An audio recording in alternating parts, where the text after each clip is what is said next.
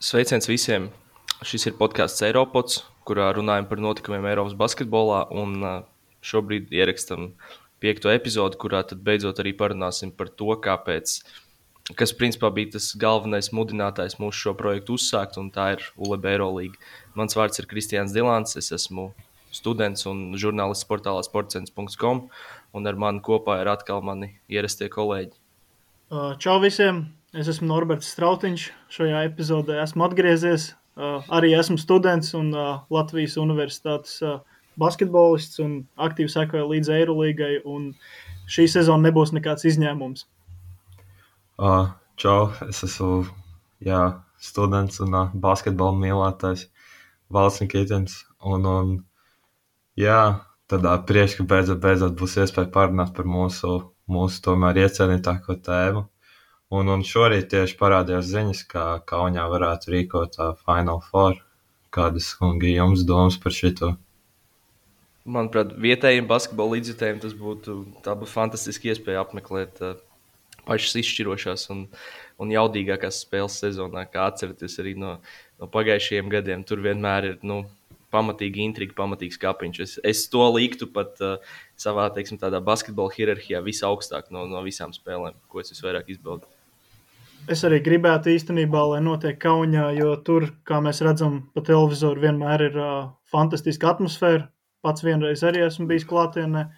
Un šis arī, uh, šī Final Four notikšana Kaunijā ir kā, veido cerību, ka varbūt pat uh, mēs varētu aizbraukt uz turieni, ja, ja laiks ļaus, jo tas ir daudz tuvāk, vienkāršāk un uh, iespējams, ka tas ir realizējams. Tā kā gaidu ar nepacietību.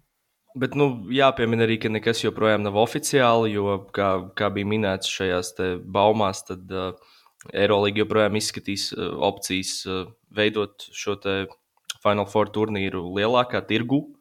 Un tad pirms, uh, kā izpilddirektors, kā izpilddirektors Jordi Bartomeu aizstāja Dejans Bodiroga, tad uh, galvenā favorīta uz uh, šī turnīra rīkošanu bija Stambula.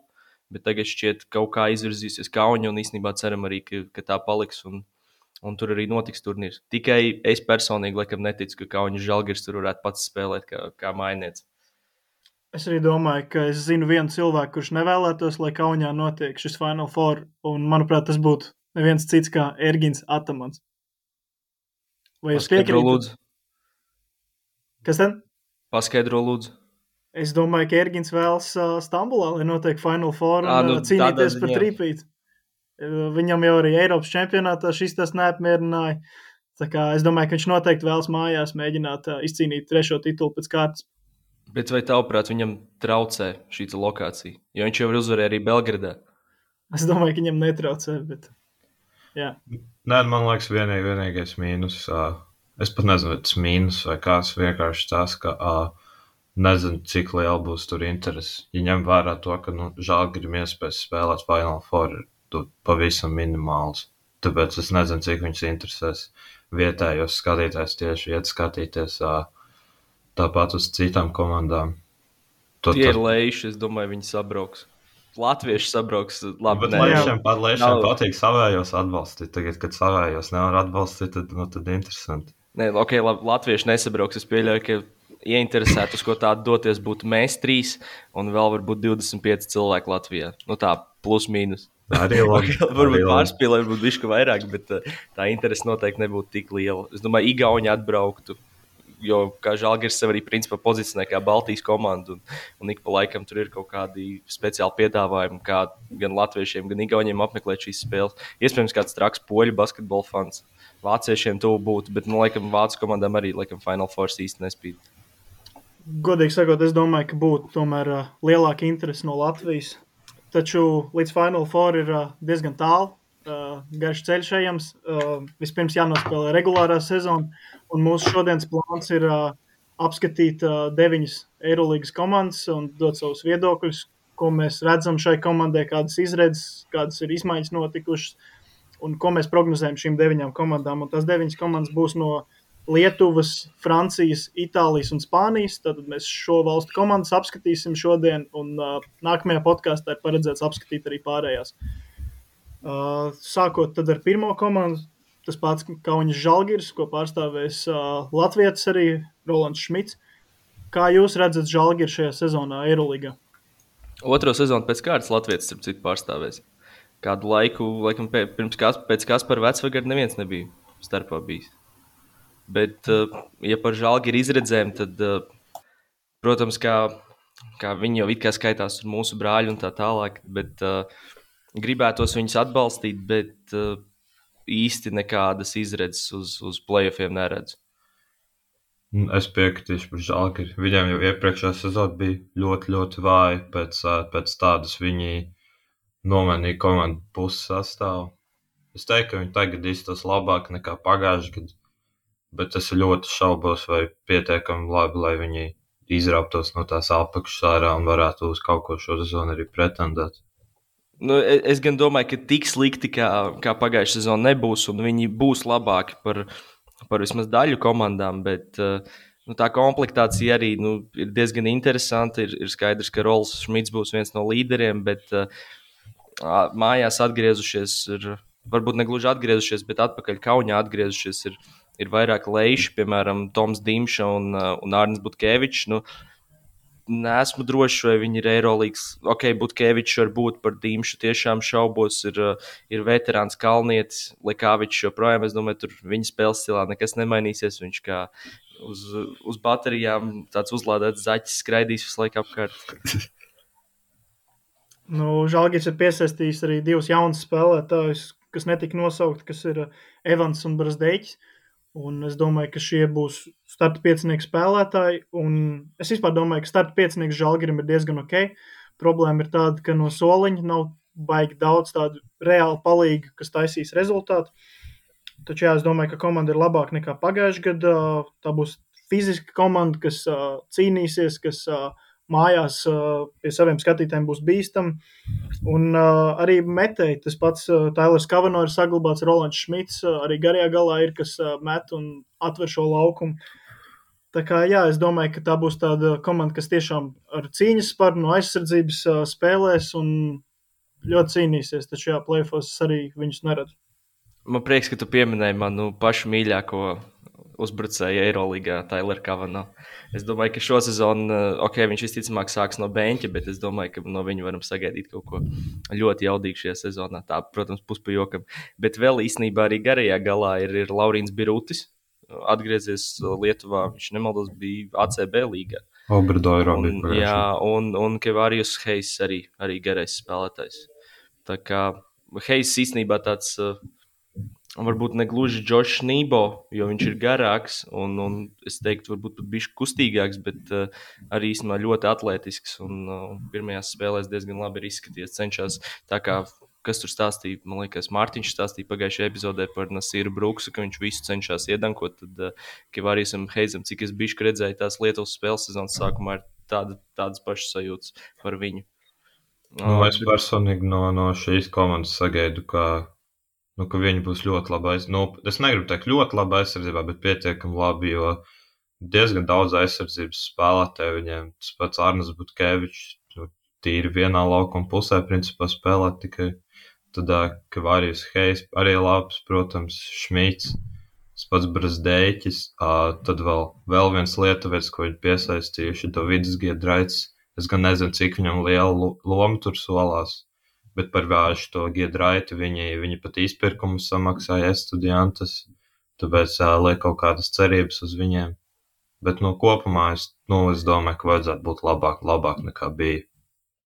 Jā, es vēl varētu piebilst, ka, manuprāt, tie galvenie spēlētāji, viņi ir uh, izsalkuši parādīt, ka viņi iedarās Eirolīgā un ka viņi varbūt uh, tiešām Eirolīgas starta uh, piecinieku spēlētāji, tas pats Šmits, Evans, uh, Prezdeģis, Ulānovs, eh, Kavano. Es domāju, ka viņi visi ir izsaukuši pierādīt, ka viņi šeit iedarās. Taču problēma ir tāda, manuprāt, ka, lai Žalgiris uzvarētu spēles, viņiem visiem būtībā ir vienlaicīgi jānospēlē labi tas mačs. Ja tur kaut viens no starta piecinieku spēlētājiem tajā dienā vienkārši nav ieradies vai nospēlē uh, vāju spēli, tad uh, Žalgirim būs ļoti grūti uzvarēt to spēli. Kādas būtu jūsu domas par komandas galveno treneru Kazimaku Svīti? Jo uh, Uh, mani laikam viņš tā īsti līdz galam nepārliecina. Jo man ir tā sajūta, ka viņš ir tas treneris, kuram ir jādod nu, vismaz divas pilnas sezonas, lai tu sāktu redzēt kaut kādus rezultātus, kā viņš to pierādīja arī tad, kad viņš uh, trenēja okupantu līgā šo vārdā nesaucamo komandu, kur arī Marks Meijers spēlēja. Nu, man ir šīs Maksvītas arī, arī jau Lietuvas izlase. Tā uh, bija nedaudz vīlās, jo tā Lietuvas komanda spēlēja diezgan bēdīgi. Manuprāt, arī tāda nepārāk skatām basketbolu. Tāpēc, nu, es nezinu, es arī man diezgan skeptiski skatos uz viņu. Es teiktu, ka vi, viņš, viņš tāds bija vājais punkts šajā komandā. Man šis, šis lēmums atlaist Juris, Juris Dovcu pārsteidz jau īstenībā pagājušajā sezonā, jo komanda bija vienā brīdī tiešām pašā zemākajā punktā, un ar Zdovcu kungu viņi sāka beidzot kaut ko uzvarēt, nākt atpakaļ. Plus viņam bija ļoti labas intervijas, tur, gan puslaika pārtraukumā, gan pēc spēles. Man likās tiešām, ka komanda ir uz pareizā ceļa, un ja vēl ņemam vērā to, ka pagājušajā gadā šis sastāvs bija vēl krietni sliktāks. Un īsnībā, ja mēs runājam par spēlētājiem, kas ir devušies projām, tad, manuprāt, diezgan liels zaudējums būs Marks Blaževičs, kurš arī ir devies uz ACB līgu. Uh, Milāknis, labi, nu, viņš ir veterāns, bet uh, tāpat vienmēr varēja principā, sagaidīt no viņa tās divas, trīs trojkas spēlē. Protams, arī Džošs Nībo ir Makabī, kā jau, kā jau teicām, un arī Tājas Websteris nav.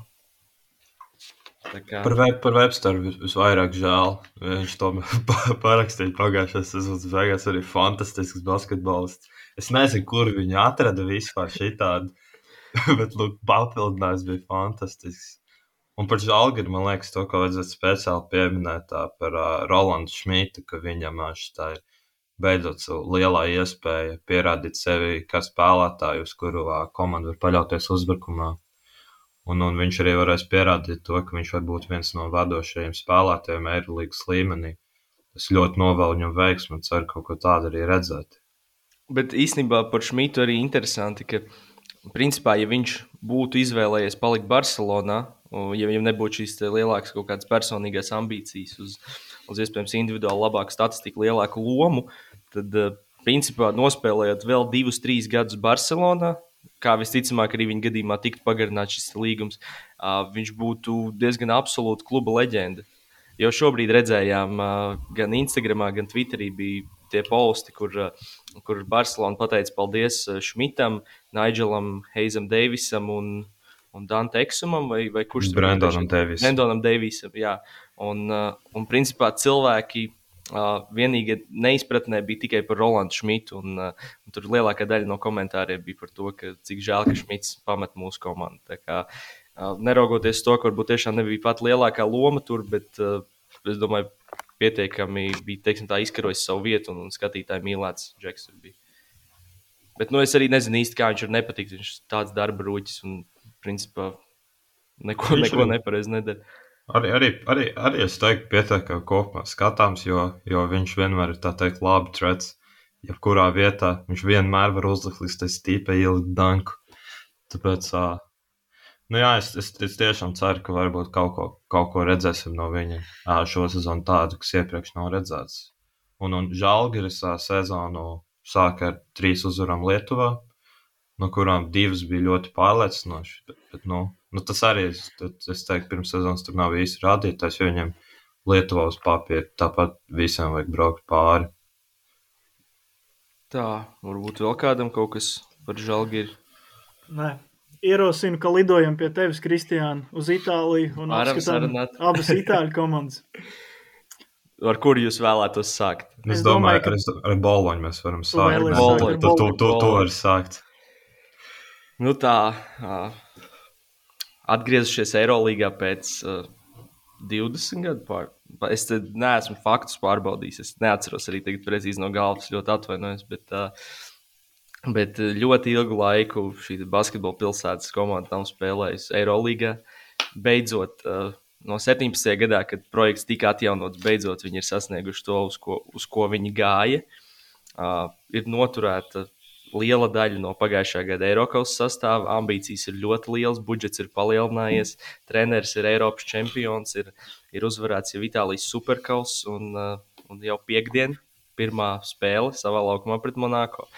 Uh, Bet, eh, ja nedaudz vairāk par sastāvu, varbūt jūs vēlaties paķidāt kungi. Um, nu jā, par sastāvu, kā jau tu teici, jā, tas print, nu, principā ļoti līdzīgs tam, kas jau, ko, ko mēs redzējām, kas uzvarēja Eiropas. Un uh, divi iespaidīgākie papildinājumi, manuprāt, ir uh, no NBA atbraukuši.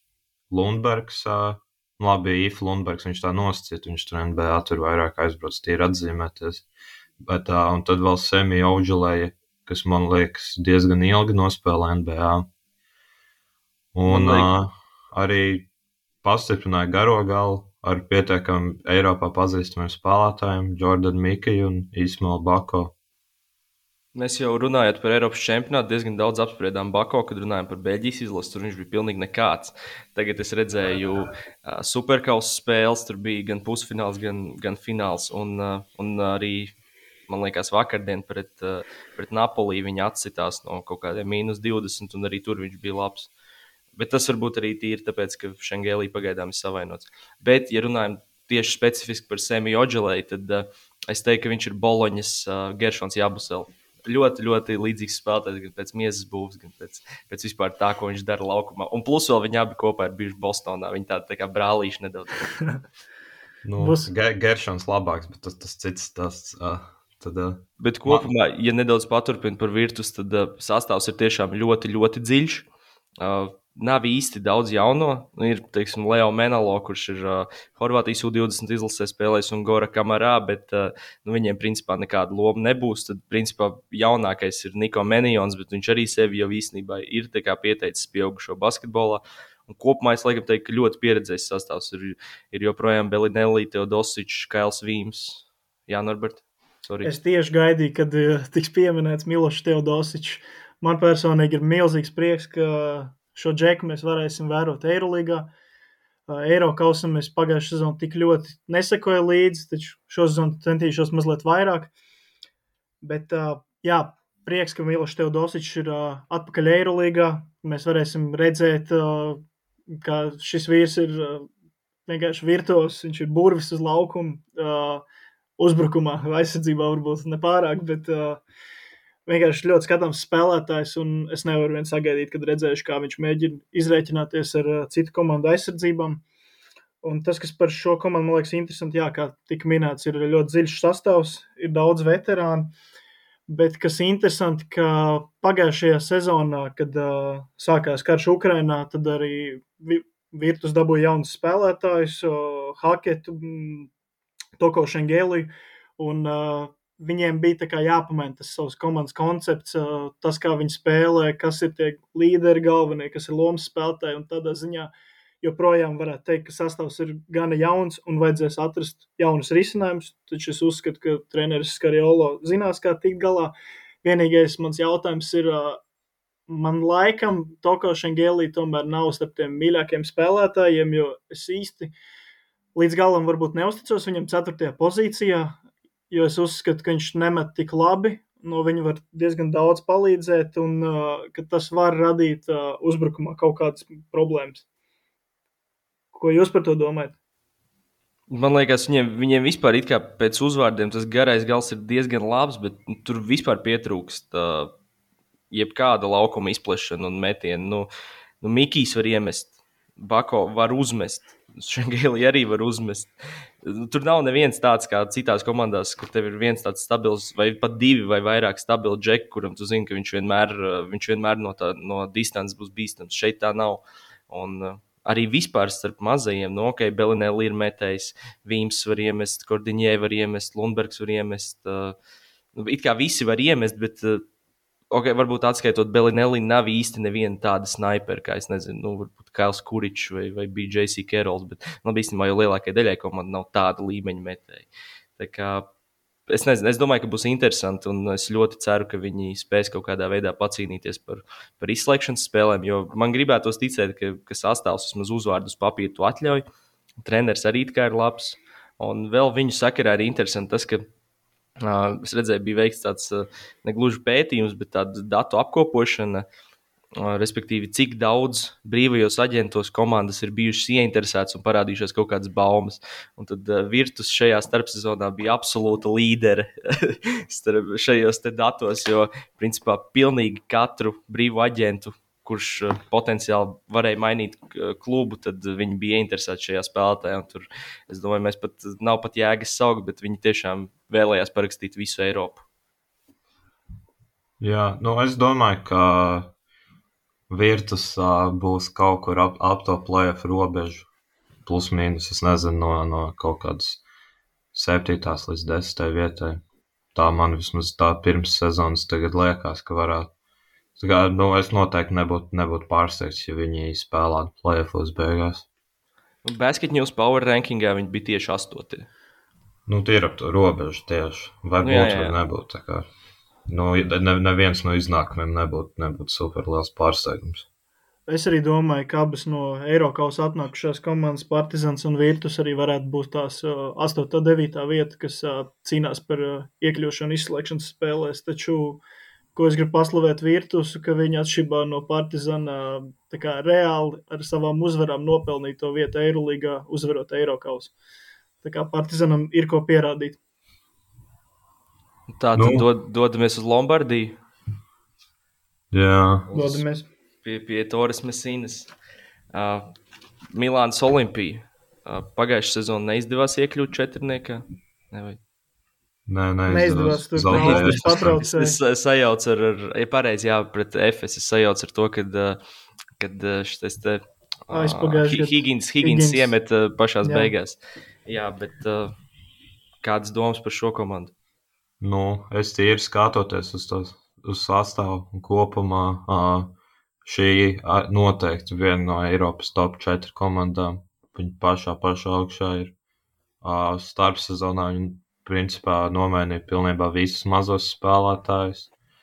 Tur pēc ilgām pārunām ar Maskavas CSK viņi beidzot tomēr varēja izsludināt Kevinu Pangasu kurš pēc tādas diezgan nekādas sezonas NBA tad atgriezās beidzot Vācijā kontinentā. Viņam vēl Itālijas izlases pamatsās spēlētājs Tonuts un Brešas komandas līderis Nācis Mitru Longs. Kurš un, un... Div, divas nedēļas izlaidīs satraumējās superkausā pusfinālā. Oh, okay, un neizskatījās baigi labi tur. Nu jā, un, un vēl ze, no Zenītas snipers Bilijs, Bilijs Bērns. Kā Jā, De Devons Halls laikam vienīgais starp mazajiem palicis principā no pagājušās sezonas. Jā, Jā tā laikam sanāk. Vēl uzbrucēja pozīcijā ar Ševons Shields. Uh, garajā galā ir piesaistīts Brendons Devijs, palicis Kails Hains, ir arī spēku uzbrucēji Melī un Foikmans. Tā kā komanda ir uh, nokomplektēta ļoti labi. Manuprāt, Milāna ir aizvadījusi tiešām lielisku vasaru un spēruši, ja tā var teikt, uh, lielāko soli uh, titula virzienā jo pārējās komandas, kas bija reāli titulu pretendenti, arī ir tādi palikuši. Milāna bija kaut kur ap to, taču tagad es tiešām viņus redzu kā ļoti nopietnus titulu pretendents, un uh, uz papīra viņi ir uh, mana mīļākā komanda. Es neesmu viņus redzējis darbībā šo sezonu, bet uh, man ļoti patīk, ko es redzu uz papīra. Uh, Kevins Pangus. Es joprojām atceros, kā viņš terorizēja Barcelonu piecu spēļu izslēgšanas spēlēs pusotru gadu atpakaļ, kad lika stresot Barcelonai, kur šķita, ka viņi vienkārši 3-0 pārbrauks pāri, taču viņš ļoti, ļoti viņus pamocīja. Tā kā jā, Pangus ir spēlētājs, kas man ļoti patīk. Jautājums ir, kādā formā viņš tagad būs pret, pēc NBA uh, atgriezies. Taču, ja viņš ir savā tajā labākajā formā, tad uh, viņš tiešām var būt ļoti nopietns papildinājums un tas, kas palīdz uh, Milānai uh, visu sakārtot un tikt Final Four un cīnīties par titulu. Man īstenībā ir jautājums jums par, eh, par Pangosu. Ja atceramies, eh, tad, kā tu minēji, kad viņš terorizēja Barcelonu pirms, pirms pusotra, diviem gadiem izslēgšanas spēlēs, tad uh, tobrīd man šķiet, ka viņš bija diezgan izteikts tās komandas līderis. Tā komanda nebija ne tuvu tik zvaigžņota, cik šobrīd ir Milāna. Un, un principā arī tā visa spēle gāja tieši caur viņu. Vai jūsuprāt, viņa produktivitāte, tas ir visticamāk skaidrs, ka produktivitāte kritīsies, bet vai viņš tāpat spēs būt uh, tikpat uh, efektīvs, esot mazāk, piemēram, ar bumbu, jo šeit tomēr, es domāju, Šīls spēlēs daudz, tāpat arī ar bumbu. Garajā galā man liekas, ka Brendons Deivijs varētu atgriezties, varbūt. Uh, nevis atgriezties, bet pakāpties nedaudz līmeni augstāk, kā viņš bija Barcelonā. Man liekas, tas, ka viņš kopā ar to Mirotiču daudz spēlēja, bija kā ierobežoja. Arī neizskatījās pats tā, kā, kā Žalgiris izskatījās. Nu, par Pangas es domāju, ka uh, Nu jā, kā jau teicu, ka noteikti salīdzinājumā ar, ar Zenītu būs kritusies produktivitāte. Vienīgais, kas man dara nedaudz bažīgi, to, ka Pankas jau bija Barcelona arī pietiekami zvaigžņotā komandā pirms, es neatceros, cik tur 3-4 gadiem, varbūt bijuši senāk. Un tur viņam tā īsti līdz galam tā neizdevās. Tāpēc es, es tomēr ceru, ka te būs tā nedaudz citādāk.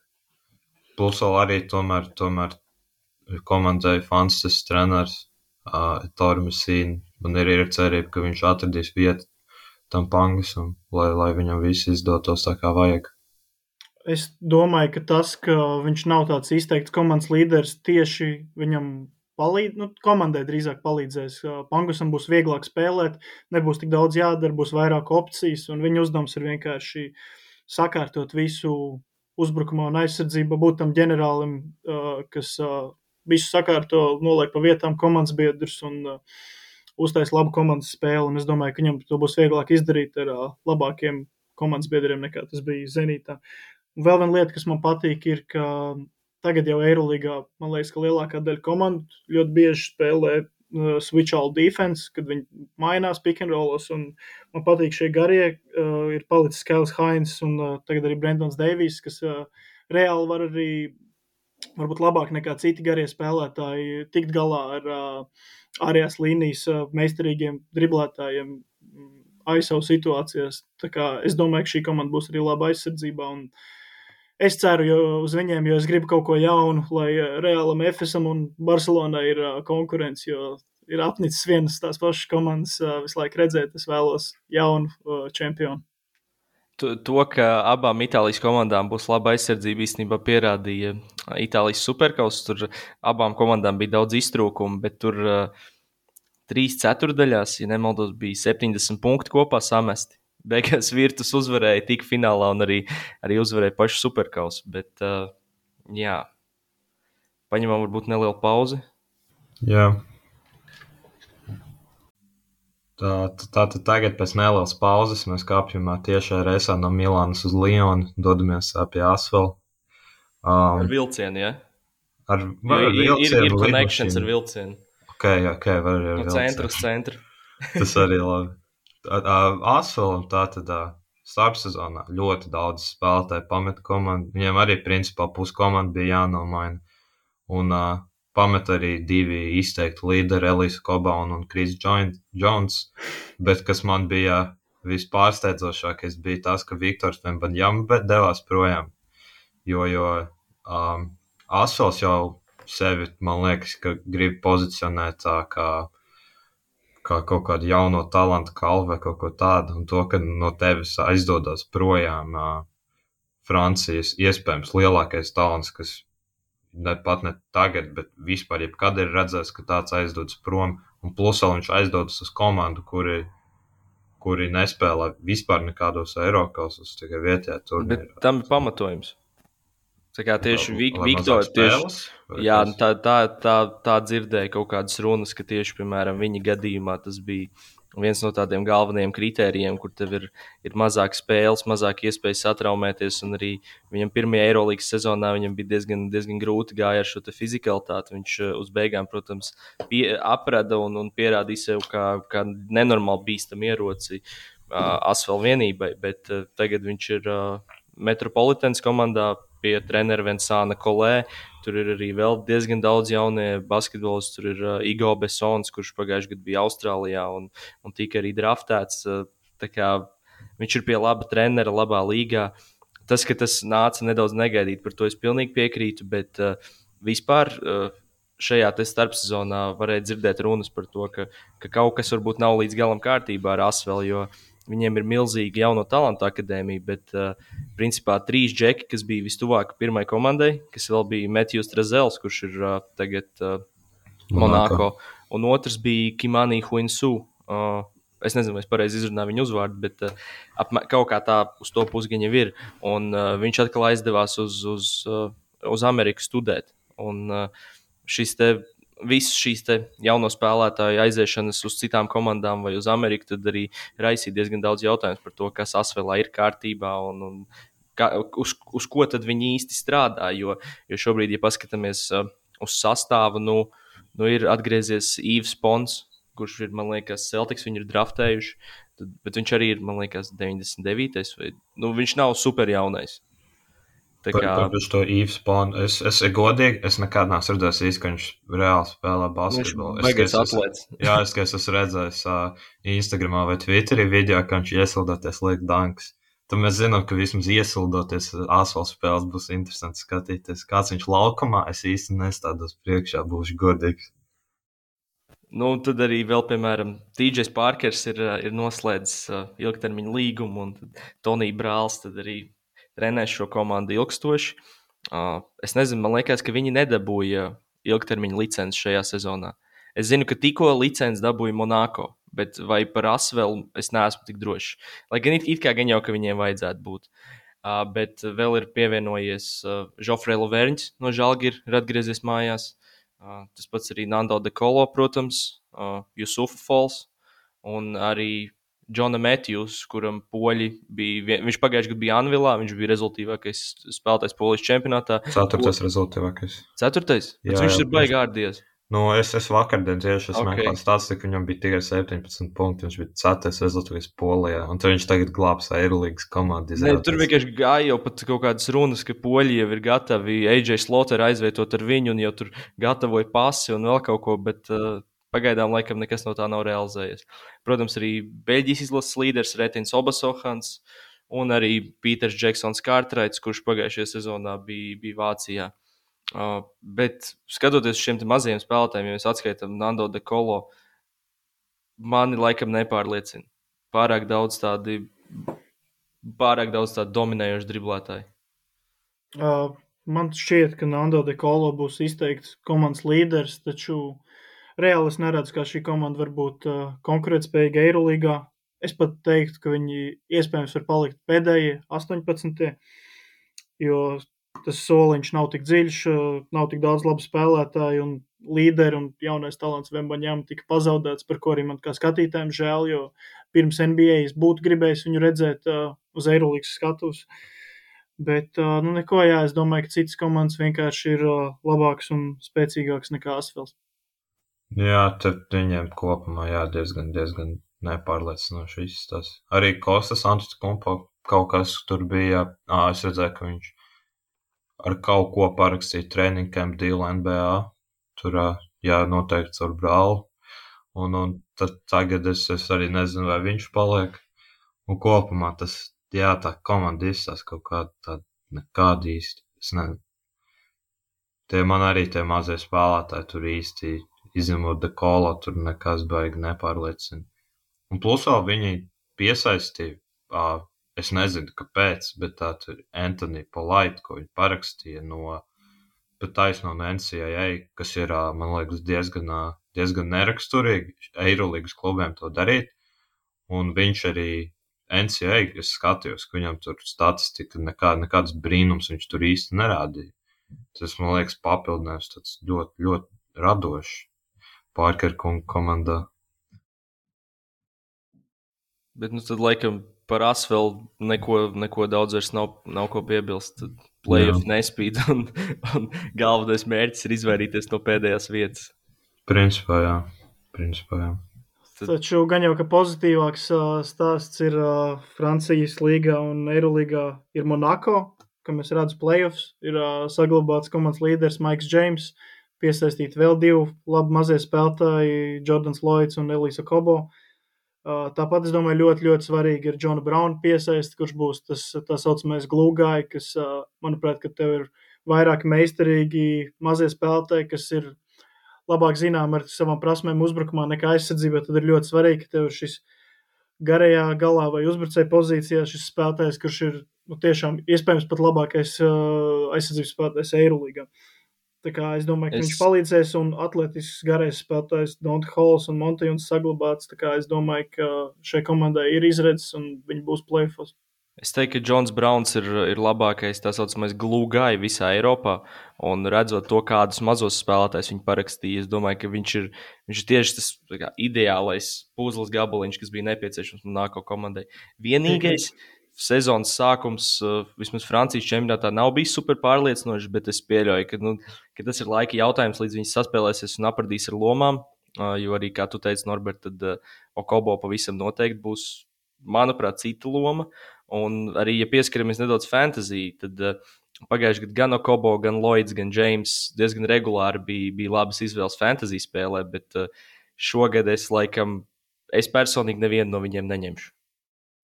Jā, es tev, tev piekritīšu. Un īsumā par Monako viņiem kopumā bija ļoti interesanti starpsezona, jo pēc uh, sezonas noslēguma, vismaz kā, kā rādīja tajā brīdī portāls Basketņus, viņiem bija aktīvs līgums ar vispār vienu spēlētāju tikai, un te viņiem tur, tur vajadzēja, vajadzēja juristiem strādāt, jauns līgums drukāts, un, un Un vēl viens papildinājums, kas, kas man patīk, ir no Ulmas ratiofarmā Jērons Blossom Games, kurš bija pagājušajā gadā viens no top spēlētājiem Eiropausā. Un uh, es ceru, ka viņš pacels, uh, pacels sev citā līmenī, tagad jau Monako vienībā. Un es kopumā sagaidu no šīs vienības ļoti skatām uzbrukumu basketbolu. Tas tas, ko es gribu redzēt. Un vēl interesanti, ka arī Adrians Moermans ir pēc cik tur gadiem Turcijā ir atgriezies uh, Francijā un, un palīdzēs Monako. Es domāju, arī šī viņa pieredze ļoti noderēs garajā galā. Arī diezgan labs garais gals. Labi mazie. Principā viss, ko tev vajag, lai, lai uzvarētu. Bet uh, jautājums tiešām, kā tas viss saliksies uh, laukumā, te, ir, te būs smags darbs trenerim Obradovičam. Bet, ja par zaudējumiem runājam starp zonā, es teiktu, ka, ka Dveins Beikons Jā, noteikti. Jā, jā. Tagad ar, ar Lakers vai ar ko viņš noslēdz treniņu? Jā, ar Lakeriem. Jā. Bet uh, treneris Obradovičs jau pagājušajā sezonā pierādīja, ka viņš uh, spēja uh, sakārtot komandu un uh, aizvest to līdz plēsoņiem. Tāpēc es domāju, ka viņam atkal tas izdosies. Taču par viņu tā smieklīgā nianses, ko es vēlos atzīmēt, ir viņa intervijas. Viņa izvēle pie, pielietot vārdus like, you know, šī trīs vārdu kombinācija, manuprāt, katrā intervijā izskan vismaz piecas reizes. Tā kā, ja mēs tādu mazo jociņu iemetam iekšā, tad uh, cilvēkiem, kas vēlas, nezinu, pakačāties, es ierosinu paņemt proteīnu šeiku un uh, katru reizi, kad uh, jūs dzirdat no Saša Brādoviča intervijā, like you know, uztaisiet desmit uh, pumpīšus un uh, gan jau vakar beigās jums uh, sāpēs plecs. Kā, es, jā, es, man vēl bija doma par dzeršanas spēli, bet mēs tam laikam pa veselīgo līniju labāk. Nē, mēs pa veselīgo tomēr. Bet jā. par to Maiku Džeimsu, Koba un uh, Lloydu. Man īstenībā es īsti nezinu, kā šī tas strādās, kā viņi to bumbu sadalīs līdz galam.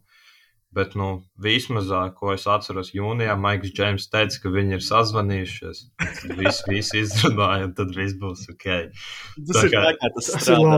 Sazvanies, un uh, jūs izrunājat, un tad jūs varēsiet sadalīt. Čau, čau, dos piespēles šo sezonu. Nu, nu labi, labi, iedošu kādu, ok, vai malcam.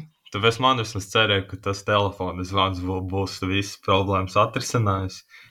Bet, nu, man es esmu noteikti sagaidu plēs nepārliecināja Kobo Francijas izlasē. Jā, viņš bija nosacīts līdzīgā situācijā. Un arī kā finālā redzējām, viņu izmeta laukumā uz tām 23 minūtēm, un viņš neko īsti neparādīja. Viņš tāds catch and shoot metējs bija, bet tā kā jā, Asvelā viņš bija tas galvenais uh, spēlētājs, tas, kurš driblē taisa visu spēli, tad uh, šeit tas būs joprojām, manuprāt, Maiks Džeims un uh, arī Jordans Lloyds var mirkļiem to darīt. Es domāju, ka Kobo būs grūti atrast to savu vietu, savu lomu, un viņš būs uh, švakākais no šī lielā trīnieka ārējā līnijā. Man liekas, Lloyds arī tādā ziņā nedaudz pateicīgāks, jo, uh, jo viņš ir labāks spēlē bez bumbas.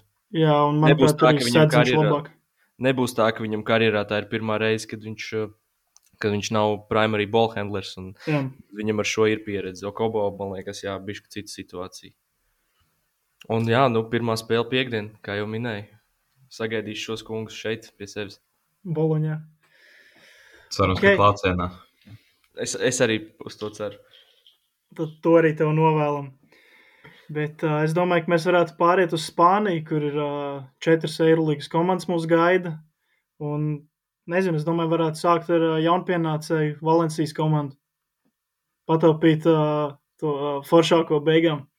Jā, Uh, tad, skatoties tīri uz Valencijas sastāvu, viena lieta, par ko es personīgi man ir jautājumi, ko es īsti nesaprotu, kur, kur viņi plāno likt piecus saspēles vadītājus. Kā, kāda ir, es nesaprotu līdz galam ideja komplektācijā. Nu, tur ir milzīgs smallballs, jo tur ir tiešām pieci saspēles vadītāji. Kur viņi visus viņus ieliks, to, to, to es nezinu. Bet uh, kopumā viņi ir uh, īstenībā saglabājuši sastāvu, jau, jau, kas viņiem jau tur diezgan ilgi ir. Un, uh, un par, parakstījuši, manuprāt, pietiekami labus papildinājumus. Džerets Harpers uh, vakardien sanāca nedaudz redzēt, kā viņi pret, uh, pret Badalonu spēlēja. Viņš uh, uzbrukumā daudz iz, iz, uzņēmās. Viņš arī kopumā vizuāli diezgan līdzīgs Krisam Džonsam, tur viņas grūti atšķirt arī bija. Un uh, garajā galā, garais gals Es neteiktu, tas man, man ļoti patīk. Bet, piemēram, arī ko mēs esam pret VF redzējuši, Žazels Riveiro, kuram, jā, kurš maina līdzīgi kā futbolā Pols Pagba frizūras reizi. Teikt, jā. Viņam arī, ied, viņam bija pagājušajā gadā vienā momentā frizūra, ka viņam bija visi mātu uz augšu.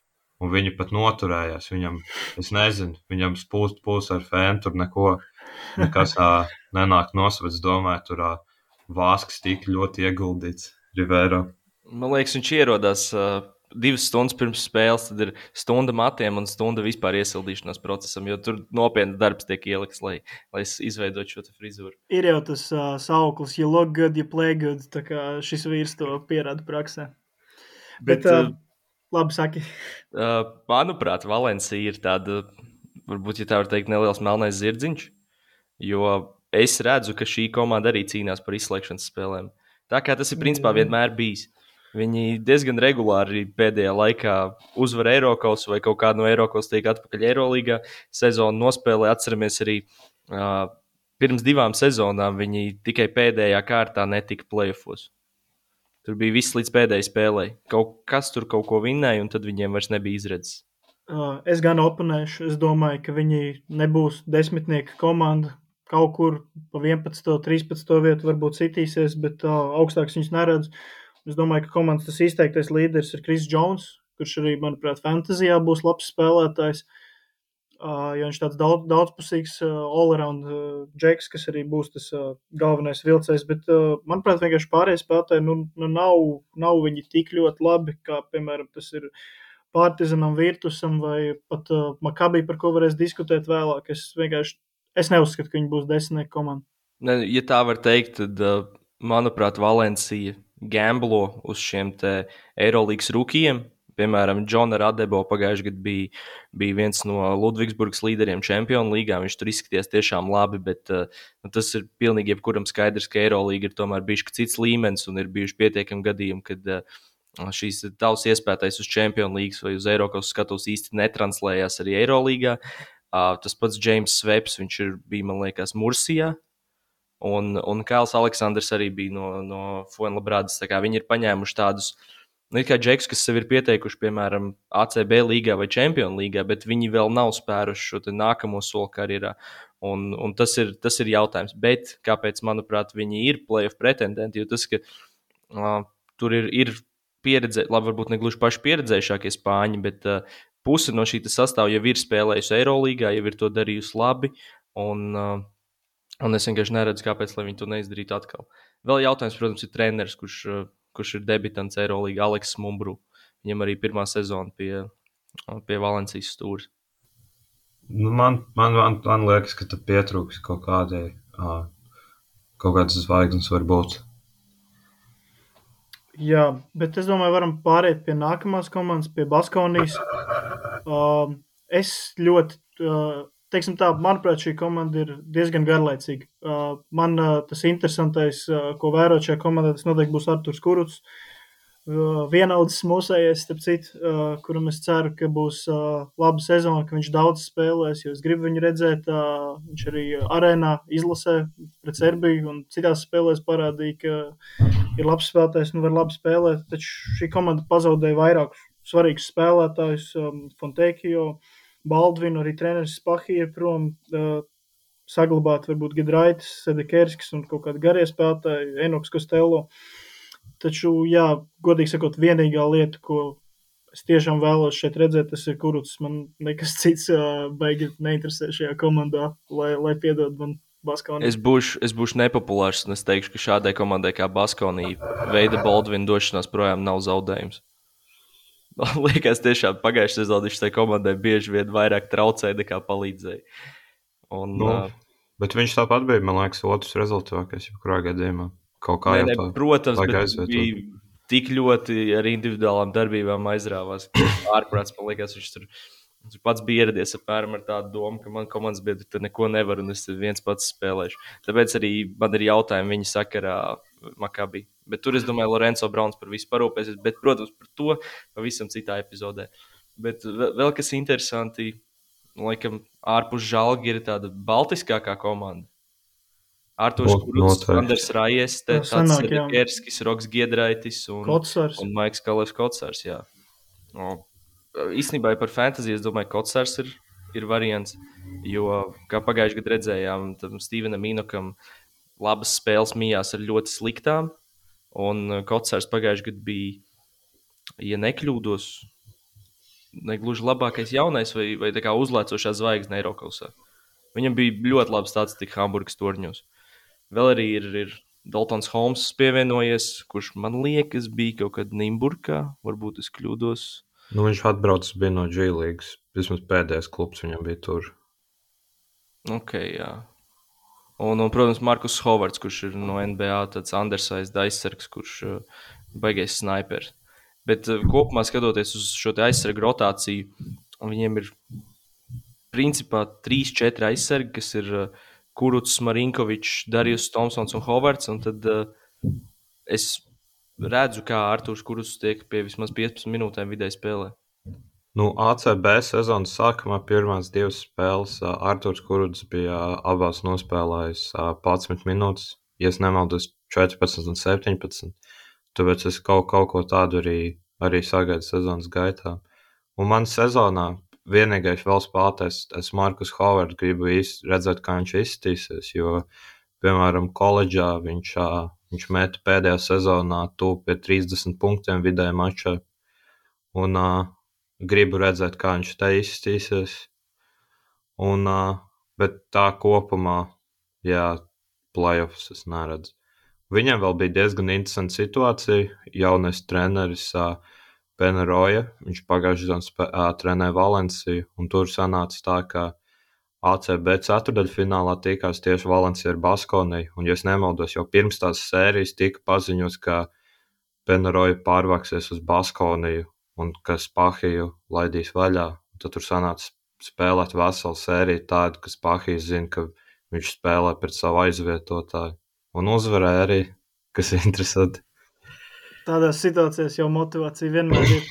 Bet tā, es varbūt pastāstiet, ja jūs zinat, es nezinu, nebija līdzīga situācija ar Eliju Kobo, kad uh, finālā bija jāspēlē Bija, sērija bija, pret bija, uh, bija, Monako. bija. Jā. Jā, bija, bija izziņots, ka viņš dosies uz Monako. Un... Bet, Bet viņš uzvar. paņēma un uzvarēja, jā, izdarīja Jā. savu darbu līdz galam. Tā tad mums vēl ir, ir divi spāņu grandi palikuši. Jā, es domāju, mēs varam iet pie vājākā, pie Barcelonas. Ui. Nu, kā ir vājākie? Nē, es- Tikko es- vēl zaudē, tikko zaudē. Es, es piekritīšu, es piekritīšu. Bet šeit arī uh, interesants stāsts, ka arī, man liekas, ka tas arī bija fināla laikā pagājušajā gadā, kad Barcelona spēlēja pret Reālu ACB finālu. Un tad man liekas, ka sērijas laikā uh, treneris uh, Šāras uh, satikās ar Tomasu Saturānski. Bija tā vai ne? Tur pat Bija bija ilgi publicēts uh, un tam līdzīgi, ka, kas nozīmē, ka, ka Latvijas iespējams pēc uh, šīs sērijas un sezonas laiks Barcelonā beigsies, kā tas arī beigās notika, un tika piesaistīts Saturānskis. Tāpat arī Čehijas izlases viņa partneris garajā galā Jans Veselīs. Uh, taču par šo man ir daudz jautājumu. Tagad Mirotičs ir traumēts kādu laiku. Es nezinu, kāda situācija ir Korija Higgins, kuram būtu jābūt, ja viņš ir vesels, vienam no tiem galvenajiem spēlētājiem. Jā, prom ir Šmits, Eksums, Deivijs, Kalātis, Heis, tā kā ļoti daudz spēlētāju. Un, jā, man jums vienmēr jautājums, kā jums šķiet, Tomas Saturānskis būs labāks spēlētājs Barcelonā nekā Niks Kalātis bija pagājušajā sezonā? Nu, sezonas sākumā Saturānskis tāds diezgan nekāds. Viņš arī pret uh, Bet uh, vakardien pret Baskoviju viņš par, vienu metienu izpildīja. un nāk. Pustraumēts, principā, visu šo mēnesi.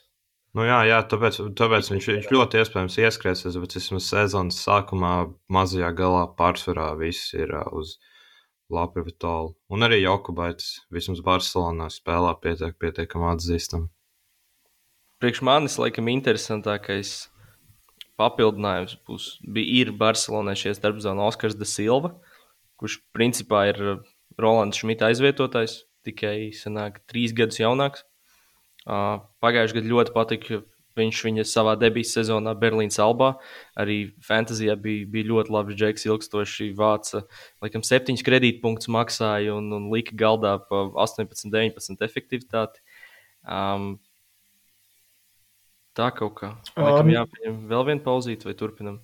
Es, es varētu vēl pastāstīt, no, uh, Nikolā, uh, Kaliničs ir nācis klāt, kas varētu būt tas tā saucamais glūgājs, kā, kā jau katra komanda meklē kaut kādu glūgāju. Bet uh, es domāju, ka Barcelonai pietrūks tāds tā kā atletisks uh, dzīvnieks uh, ārējā līnijā. ah, okay. Nē, nē, nē, ārējā līnijā tāds, uh, kā bija Dante Eksums, kaut kas tam līdzīgs, jo, manuprāt, viņi tāda diezgan prognozējama komanda ir, un kas ir arī problēma, ka, ja Lapro Vitola ir tavs uh, reāli labākais uh, tāds tā kā uh, metienu izveidotājs, shot creators, tā saucamais, kam tu galotnē dod bumbu, ja tur, piemēram, Higgins nav vairs tajā formā vai Mirotičs ir traumēts. Tā, kā, tā, manuprāt, ir problēma, kā tāpat arī garais gals. Ok, ir veselīgs, bet uh, arī viņš nav vairs tas jaunākais spēlētājs un uh, mēdz diezgan bieži traumēties. Un Šanlī un Oriola un Tobijs. Nu, Oriola nav vairs. Ā, nav vairs. Nē. Okay nu, ok, tie paši Anli un Tobijs, nu, ok, solīdi spēlētāji var iemest uh, trīspunktnieku, bet uh, Barcelonas ambīcijas noteikti ir uh, cīnīties par uh, tituliem gan Spānijā, gan Eirolandā. Uh, manuprāt, viņiem tas būs grūti. Taču es redzu, ka viņiem būs laba regulārā sezona. Šāras uh, vienmēr zina, kā arī pagājušā sezonā, kad ir daudz traumas, viņš zina, kā būt, kā rādīt uh, stabilu sniegumu kā komandai un kā izcīnīt uh, uzvaras uh, regulārajā sezonā. Taču arī par viņu būs interesanti, jo, cik saprotu, viņam šis ir pēdējais gads.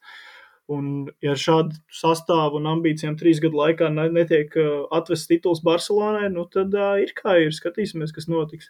Tieši īstenībā gribēju tikko jautāt jums, ko, kas notiks ar Šarunu Jasikeviču, ja, ja Bārs neuzvar šogad?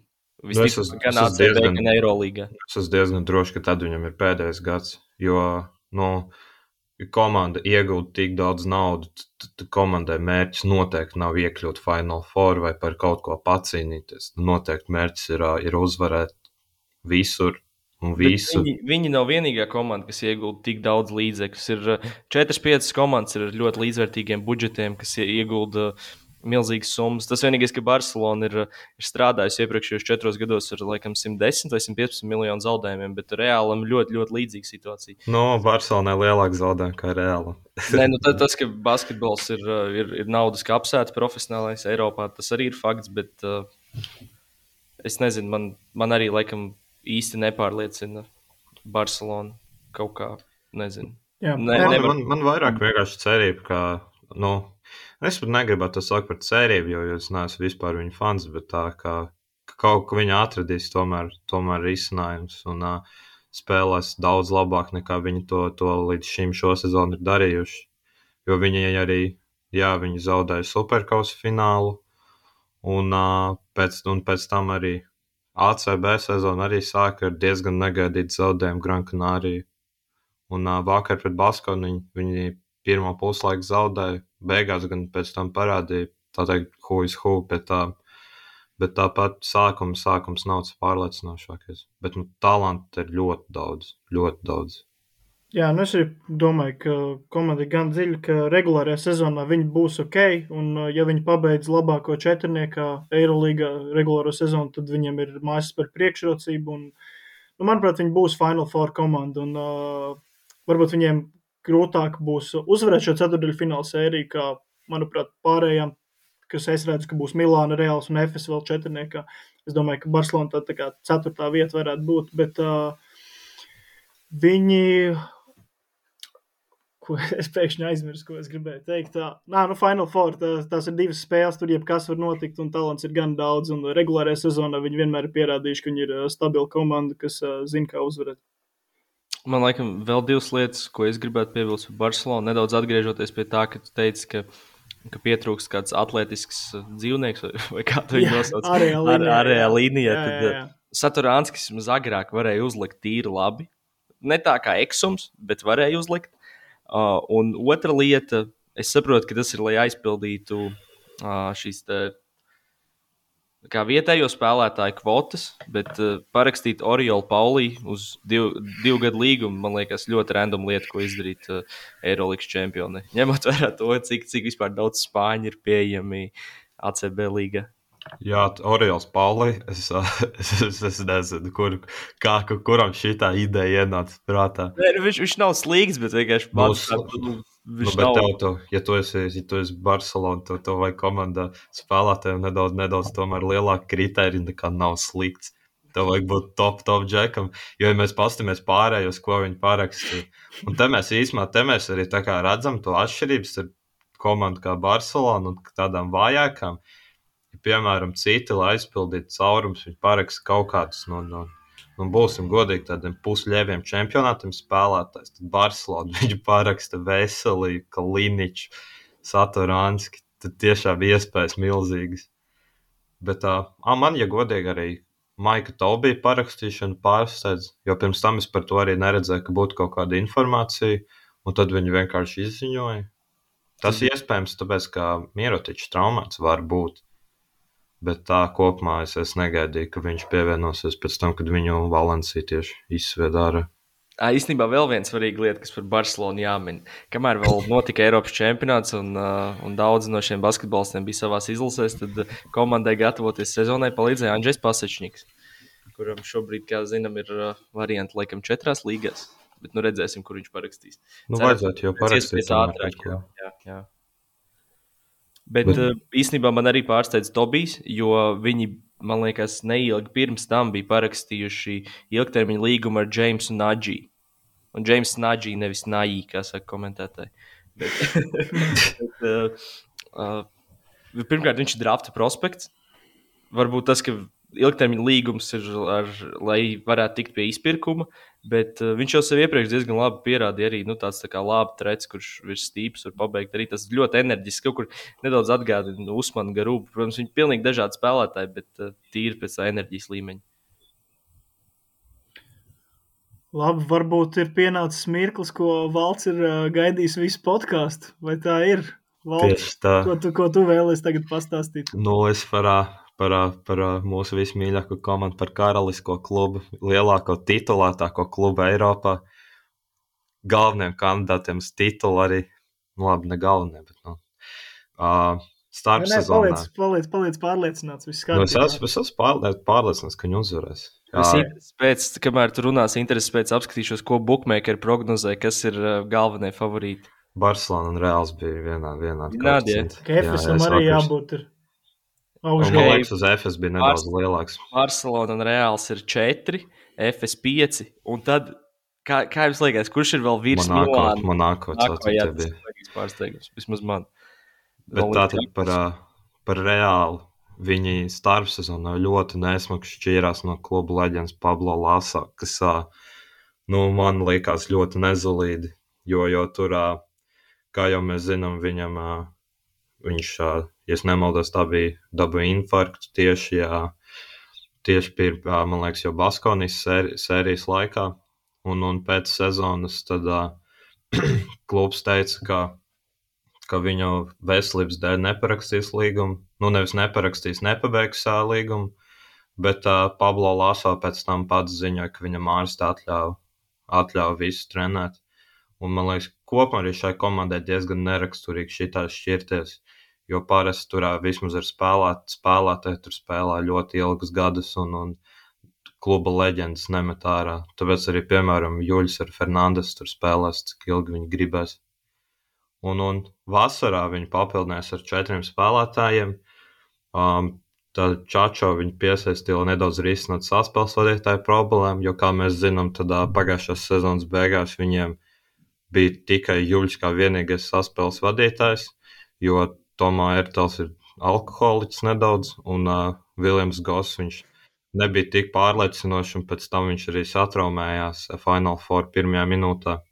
Tomā Ertels vispār ir interesants putns, lai neteiktu vairāk. Nu, par viņu man pat Nav, nav vērts, runāt. laikam, jā, jā. jā, nav. visu. Pilnīgs zābaks viņš ir. Un tad vēl divi spēlētāji, Mūsu un Kazoņa, kuri, manuprāt, tika piesaistīti tāpēc, ka viņi abi divi ļoti labi prot sev izkārtot metienus, kas viņiem reāli bija ik pa laikam problēmas sezonas gaitā, ka viņiem tur īsti nu, pietrūka spēlētāji, kas kā gūt punktus un uh, uzbrukums ik pa laikam buksēja. Un par Hezoņu man, ja godīgi, tur vislielākie jautājumi, jo viņš, piemēram, superkausā, viņi iespēlē pa četri, tur viņš nedarīja pilnībā neko. Nu tā, ka viņš pat, ja viņš parasti forsē metienus vai ko, tad tur viņš principā vispār neuzbruka grozam. Bet tagad ACB sezonas sākumā, pirmās divās spēlēs, viņš spēlēja jau atkal pa trīs, un, un tad gan viņš sāka jau forsēt, tur mēs kaut kādus ģevos feidavējus. Nu, es nezinu. Man liekas, ka ar viņu, ar viņu tur varētu būt nelielas problēmas. Un Pēters Kornelija paņems kā backup garais spēlētājs, jo uh, Trejam Tomkinsam beidzās līgums, un, un Antonius Randolfs pārauga celī, man liekas, visu, ko varēja pāraut, tad viņš ir noteikti uz sezonu ārā. Un, un kopumā, kas man vislabāk patīk, kas man vislabāk patīk šajā komandā, ir ļoti daudz virknējumu opciju, jo viņiem ir pirmkārt ļoti daudz spēlētāju. Viņam ir principā 16 reāli spēlētāji, kas var spēlēt. Tāpēc viņiem vēl tagad ir relatīvi veiksmīgi, jo ir 6, labi, cik nu veiksmīgi, viņiem 6 spēlētāji ir izkrituši ārā. Tāda Fernandes, Hanga, Viljams Goss, Balde, Alasens un Randolfs. Un, tas nozīmē, ka viņiem pagaidām vēl nav nekādas problēmas ar kaut kādu minūšu sadalīšanu vai kaut ko tādu.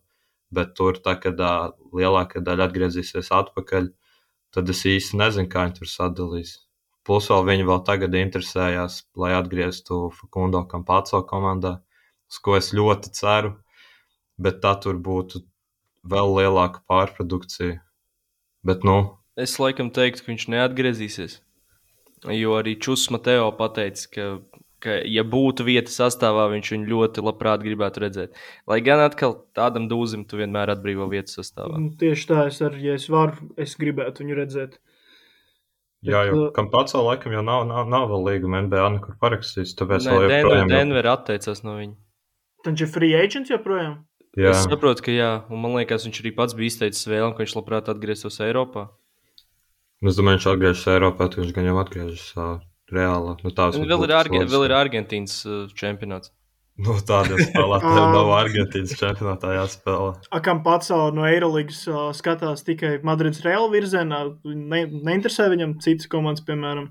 Tur, ja godīgi, man liekas, nav baigi daudz informācijas šobrīd bijusi. Bet nu, tas Madrids reāli vispār kopumā ir tāds, vismaz rada iespēju, ka tas ir tāds ļoti ģimenisks klubs.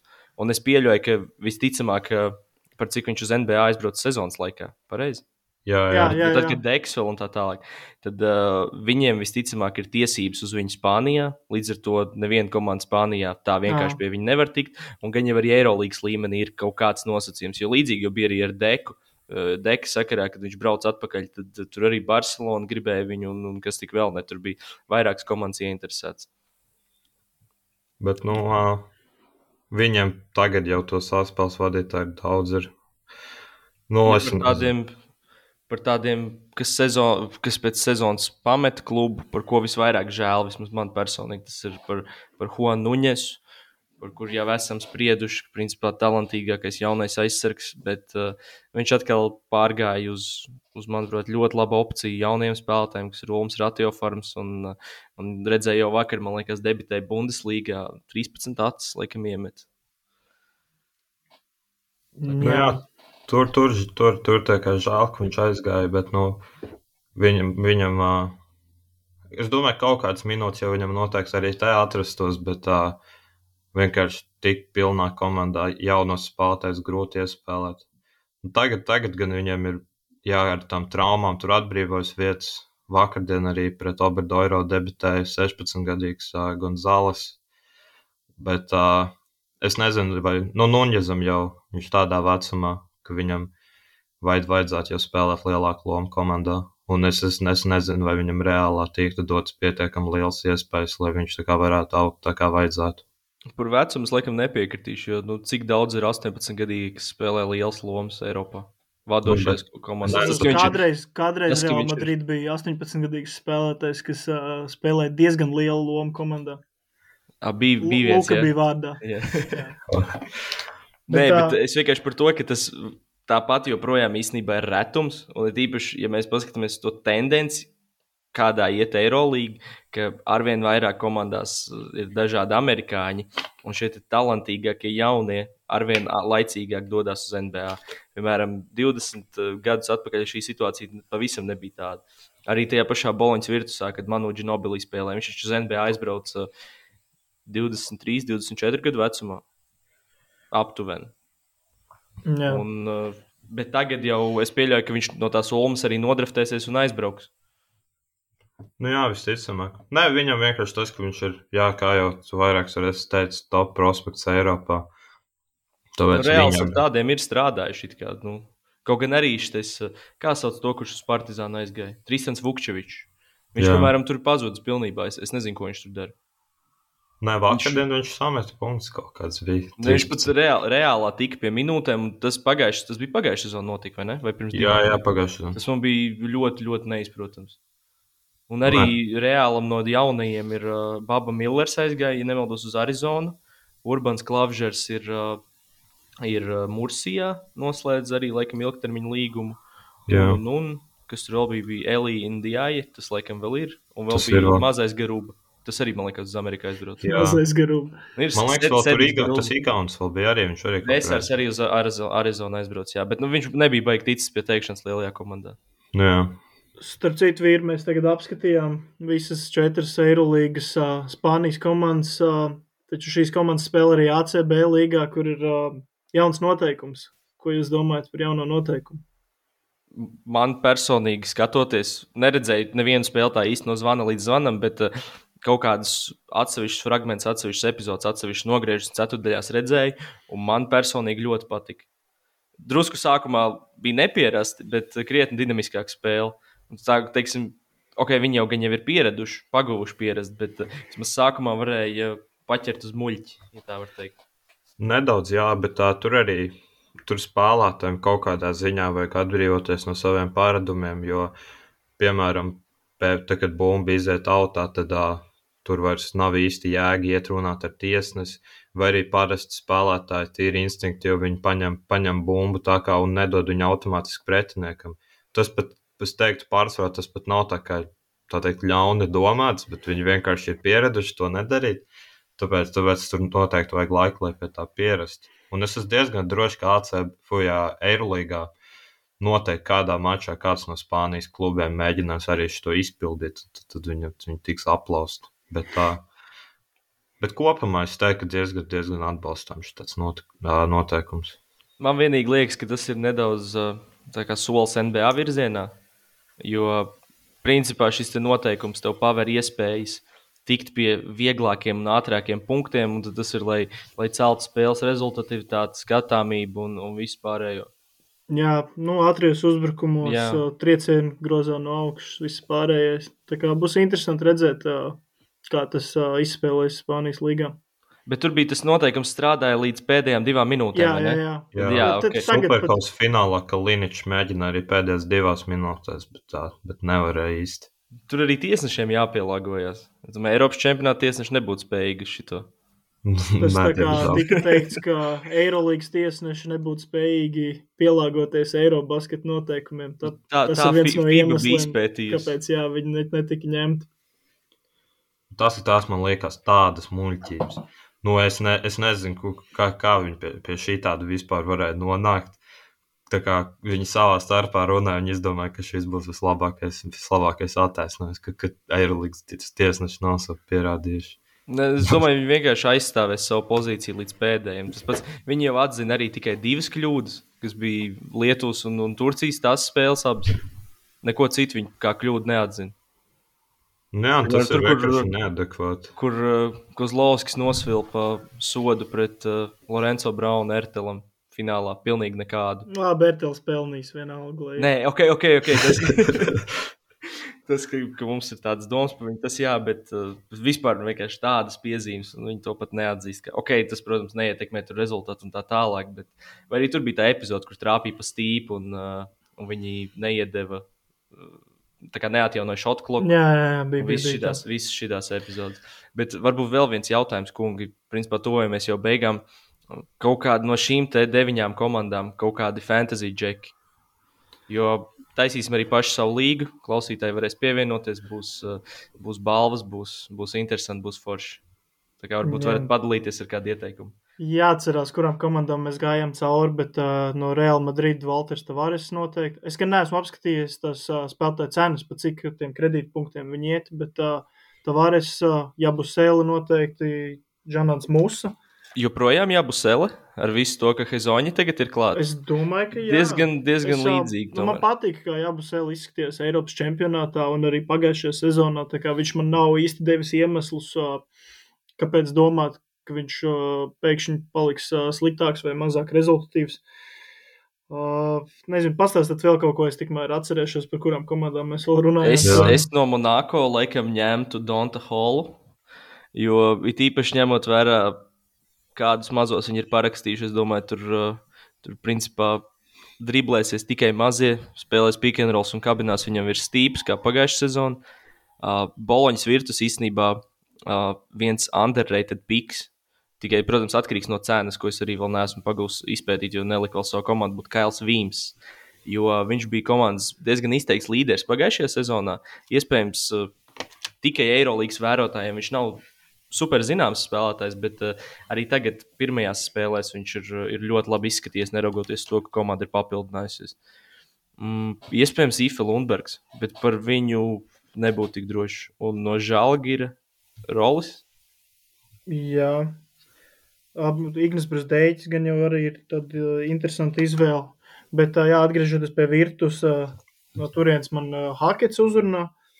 Tad tajā pašā Monako es tik un tā domāju, ka Maiks Džeims nav tas spēlētājs, kurš pēkšņi kļūs ļoti maz rezultātīvs vai tam līdzīgi. Varbūt tur nebūs tik ļoti rezultātīvs, bet nu, tik un tā būs viens no top džekiem līgā. Es par Džeimsu vienkārši domāju, ka tā, ka tā viņa cena neattaisnos to viņa pienesumu. Iespējams, tas ir jāpapēta. Bet es domāju, ka Kris Jones ir tāds klusais, tāds melnais zirdziņš, kurš, manuprāt, radīs labu statistiku. Tā kā iesaku arī viņu skatīties. Es arī no virtus, ā, ko es pa savā komandā es izvēlos Semiju Oģelēju un, protams, jā, no, no Žalga Rolandu Šmitu. Un no Barcelonas viens spēlētājs, ko es ieteiktu ņemt, ir ā, Lapra Vitola, jo viņš ir ā, vismaz šajā, šajā brīdī, kad ā, iespējams Saturāns, kas nav top formā, tad ā, Lapra Vitola ir galvenais spēlētājs un ā, komandā tieši uzbrukumā priekš savas cenas ļoti, ļoti vērtīgs. A, kas ir ar Koriju Higgins? Es neesmu pētījis. Viņš ir vesels, viņš nav. Kad viņš spēlēs? Vai jau kur es- spēlē? Kaut kādās bildēs redzēju, ka viņš figurē. Viņš superkausā spēlēja. Vienā no spēlēm man liekas, ka viņš pret, pret Badalonu viņš spēlēja. Pēc tam finālā viņš atkal vairs nebija. Un, ja es nemaldos, tad ACB pirmajos divos mačos viņš nav spēlējis. Man liekas, viņš vēl bija tagad nācis klajā ar līdzīgu frizūru kā Džimijs Butlers. Kaut ko, viņš, kaut ko viņš tur bija pamainījis. Bet no lētā gala labs piks ir nu, nosacīt lētā gala Arthurs Kuruts. Ja mēs pieņemam, ka viņš spēlēs 15 minūtes spēlē. Jā. Jā, piekrītu. Un, un jā, tā kā es teicu, iespējams, Kotsars. Un Kurš treneris, jūsuprāt, šogad būtu labs Es- piks? Es vienmēr ar treneri skatos, kas nāk pretiniekos, jo treneris dabū punktus, ja komanda uzvar, un zaudē punktus, ja komanda zaudē. Tāpēc ir jāskatās, kas nāk pretiniekos, bet nu, noteikti tie paši Šāras, Real Madrid treneris Mateo vai kā bija uzvārds. Čus Mateo, jā. Jā, tā kā noteikti tās top komandas. Ah, nu, un Ettore Messina, protams, arī. Jā, Es mēs šīs trīs- es arī paņēmu pats uz pirmo kārtu. Es neatceros, par ko viņam bija spēle, bet uh, viņi, viņiem vajadzētu jau tur uzvarēt. Tāpēc man ne Tori Mesīna ir vismaz uz pirmo kārtu izvēlēts kā treneris. Viņiem nebija asvels pirmajā kārtā. Varētu būt. Nu, tad, liekas, bija, tad ir tīpaši, tad ir tīpaši, ja tur mēs zinām, pirmajā Varbūt DJs nedēļā. Parkers ar četriem kredītiem pārsteigs. Nē, paldies. Es šaubos, ka viņš Es- es... kaut ko pārsteigs. Nu tā, apaļojamies, beidzam. Tā kā tā, jā, paldies jā. Visiem, kas klausījās. Šodien tad apskatījām deviņas komandas no Lietuvas, Francijas, Itālijas, Spānijas. Un uh, nākamajā podkāstā ir paredzēts apskatīt pārējās deviņas komandas. Un tad jau, jā, tiekamies uh, nākamajā reizē un gaidām jauno sezonu. Paldies visiem, čau, čau! Paldies, čau! Čau!